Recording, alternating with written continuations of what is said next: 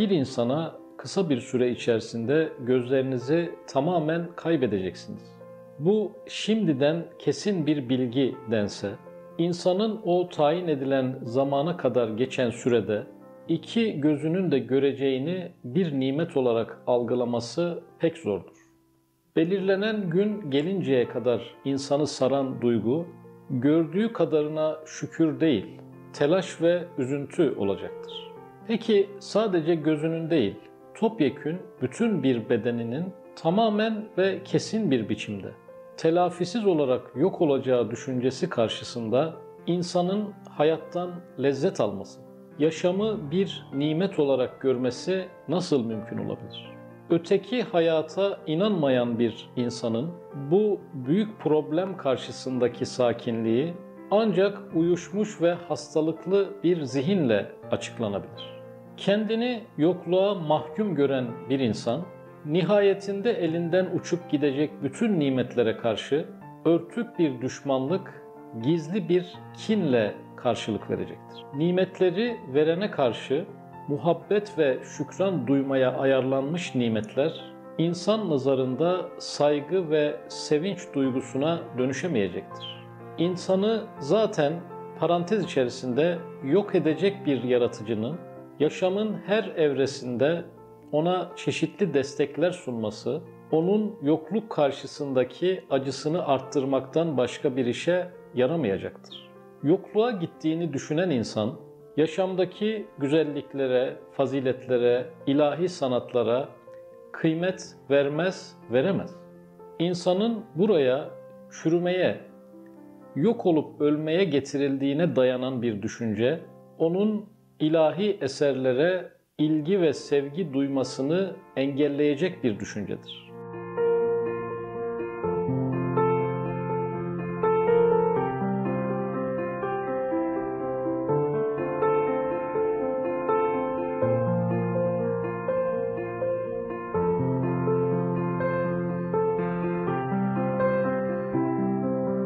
İnsanın var olma sebebi nimetlere muhatap olmak, ilahi isimleri bilmek, ilahi iyilik ve ihsanları tatmak, yani bütün bunların özeti olan şükür ibadetini yerine getirmektir. Yaşam nimetinin acının değil, mutluluğun kaynağı olması, isyanın değil, şükrün vesilesi olması için ahiretle devam etmesi gerekir.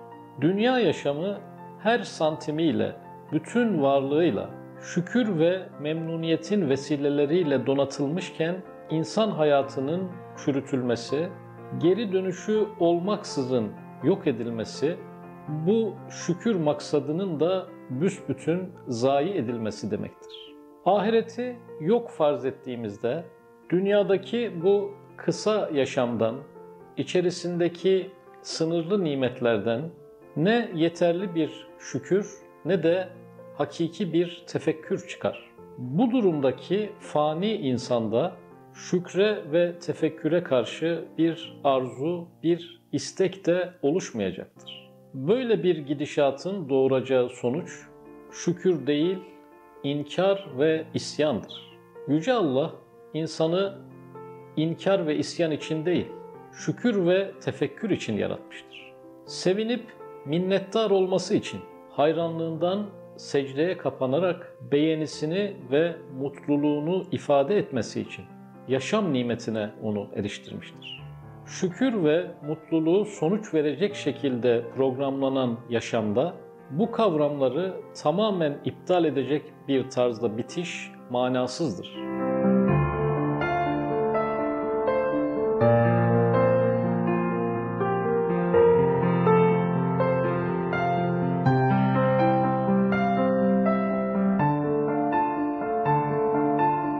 İnsandan beklenen şey şükür olduğu için ona her çeşit nimet tattırılmıştır.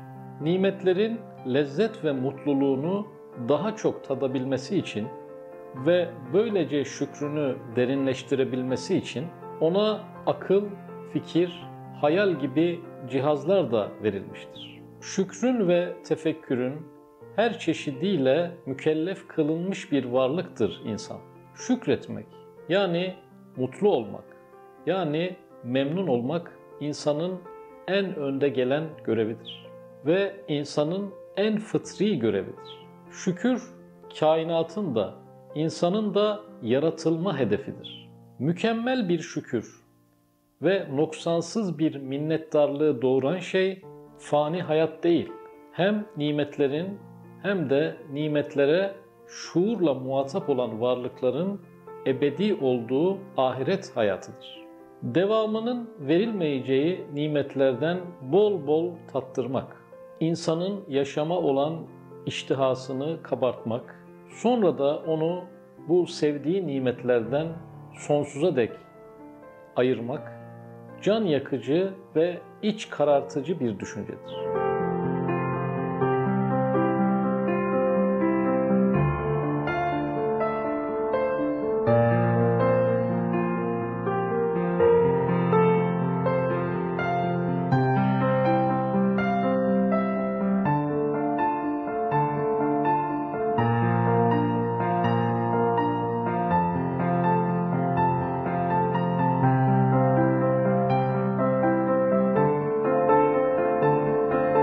İhtiyaçların giderilmesi, memnuniyetlerin açığa çıkarılması, yani özetle şükür yaşamın temel hedefi ise insanın macerasının yoklukla bitmemesi gerekir.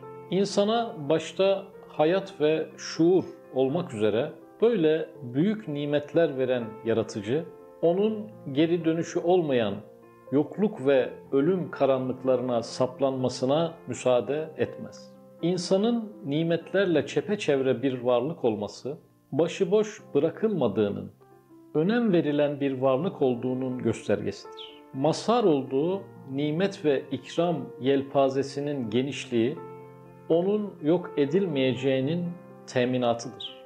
Evet, yaşamın her yanında var olan binlerce çeşit nimetin hedeflerinden biri de yaratıcının nimetler yoluyla kendini insana tanıtması ve sevdirmesidir. İnsana yönelik olan nimet ve sanatların gayesi iman, minnettarlık ve memnuniyete sebebiyet vermek ve insanı Rabbine müteşekkir kılmaktır. Ahiret yaşamı yok sayılırsa Dünyadaki bunca nimet, bunca ilahi sanat, bunca çeşitlilik ve renklilik israftır, hikmetsizliktir, anlamsızlıktır ve gayesizliktir.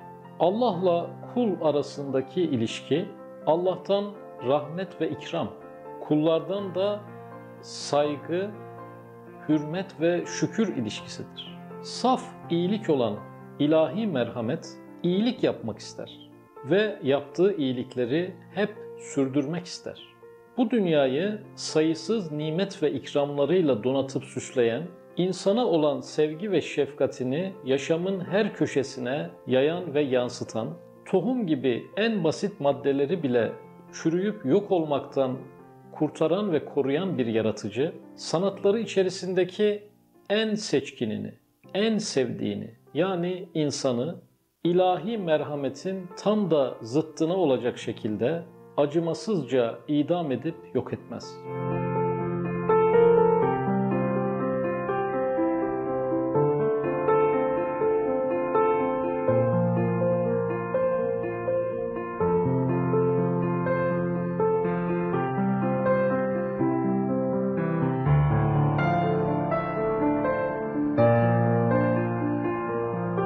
İnsanın zayıf ve narin yaratılışına karşı onun istek ve ihtiyaçlarının hikmetle, şefkatle, kolaylıkla, incelikle gideriliyor olması Rabbin insanı sevdiğinin resmidir.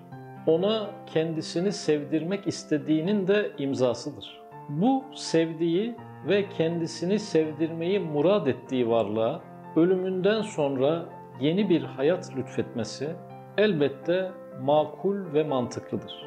Kendisiyle sevgi ilişkisi kurmak üzere yarattığı varlığı ebediyen yok etmek nasıl anlamlı olabilir?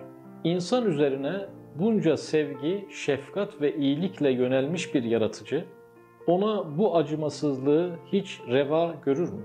İnsanın dirilmemek üzere ölmesi ilahi şefkatle nasıl bağdaştırılabilir?